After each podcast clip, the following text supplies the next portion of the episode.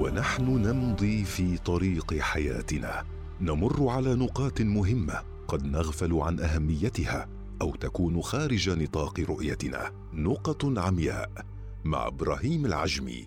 أهلا بكم مستمعينا الأعزاء في حلقة جديدة من حلقات برنامج نقط عمياء والذي نتطرق في كل حلقة من حلقاته إلى أمر مهم قد نغفل عنه في مفاصل حياتنا.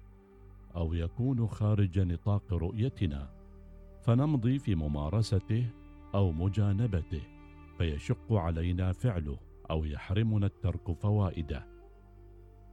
في حلقة اليوم يعتمد كثير من المتكلمين العرب في عصرنا الحالي على تسكين الألفاظ في الجمل ليبتعد عن توريط نفسه مع الحركات الإعرابية التي يمكن تقسيمها إلى حركات رفع ونصب وجر. معتقدا أن أسلوب التسكين سيجعله سالما من الخطأ وبعيدا عن الوقوع في الخلل اللغوي. ورغم أن اللغة العربية تجيز الوقف كما في القرآن والشعر ولكن التسكين يقع في حالات وليس في مواقع لا يحسن الوقوف فيها كتسكين كلمة في وسط مكون جملي. ويظنون أنهم يطبقون المقولة المشهورة سكن تسلم والمشكلة العظمى التي يقع فيها المسكنون من حيث لا يدرون أنهم يسكنون المحرك بنية واصلا من قبيل ليس وسوف وحيث ونحن ومع والذين. ويضع النحويون اثارا جانبية للتسكين أبعد ما تكون عن السلامة اللغوية منها أن تعلم الإعراب أو التشكيل يحفظ اللغة العربية من الفساد. ويبعدها عن اللحن ويصون لسان المتعلم عن عجمية الألفاظ الداخلة إلى اللغة من التحريف بالإضافة إلى التمكن من تصحيح النطق العربي الفصيح إلا مسه لبس فيكون صحيحا وواضحا. مع تطور التقنية في عصرنا الحديث ظهرت مواقع وتطبيقات تقوم بتشكيل النصوص العربية إلا أن هذه المواقع لا تصلح بتاتا لمن لا يتقن الشكل والإعراب نظرا لكون نسبة صحة تشكيل الكلمات فيها لا تتعدى 70% في أحسن الأحوال. ولا بد من التدخل لتصحيح تشكيل بعض الكلمات عبر تحديد الشكل الصحيح من الاختيارات المتاحة لكل كلمة. ما يجعل عملية تشكيل الكلمات العربية عملية لا يتقنها حتى الآن إلا الإنسان نفسه. فبعض المتكلمين العرب حتى لو قدمت لهم كلاما مشكلا لوقع في الخطأ. فلفظ واحد وحركات مختلفة. يعتمد ذلك على الجملة التي تحتضن ذلك اللفظ.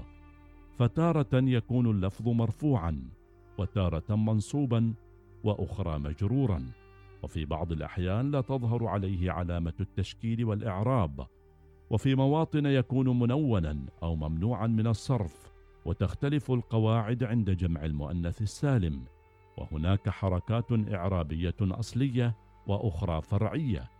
فكل ذلك يستوجب على العربي وغيره ممن يريد تعلم اللغة العربية أن يتعلم النحو والإعراب والتشكيل ويكتسب المهارة والمكنة في تشكيل الألفاظ حسب موقع كل لفظ في الجملة. والالتفات دائما إلى أن ذلك يكسب المتحدث باللغة العربية احتراما وتقديرا لدى المستمعين خاصة أولئك الذين يتذوقون العربية تذوقا ولا تفوتهم الشاردة والواردة فيما يتعلق بالنحو والصرف والإعراب. في هذه الحلقة مستمعينا الأعزاء وجهنا الضوء على نقطة من النقاط التي يغفل عنها البعض أو لا يديرون بالا تجاهها. أو تكون خارج مجال رؤيتهم وهي أنهم يلجؤون إلى تسكين الألفاظ في اللغة العربية حتى لو كانت هذه الألفاظ في جمل وتراكيب. ظنا منهم أن ذلك يحفظهم من الخطأ اللغوي على أمل أن نلتقي مع نقطة أخرى من نقط عمياء. إلى اللقاء. نقط عمياء مع إبراهيم العجمي يوميا في الأوقات التالية. السابعة وخمسة عشرة دقيقة الثانية عشرة وخمسين دقيقة الثامنة وعشرين دقيقة.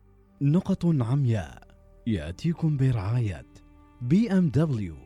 استمتع بعروضنا المميزة على جميع السيارات خلال شهر رمضان واحصل على فرصة الفوز بسيارة Z4.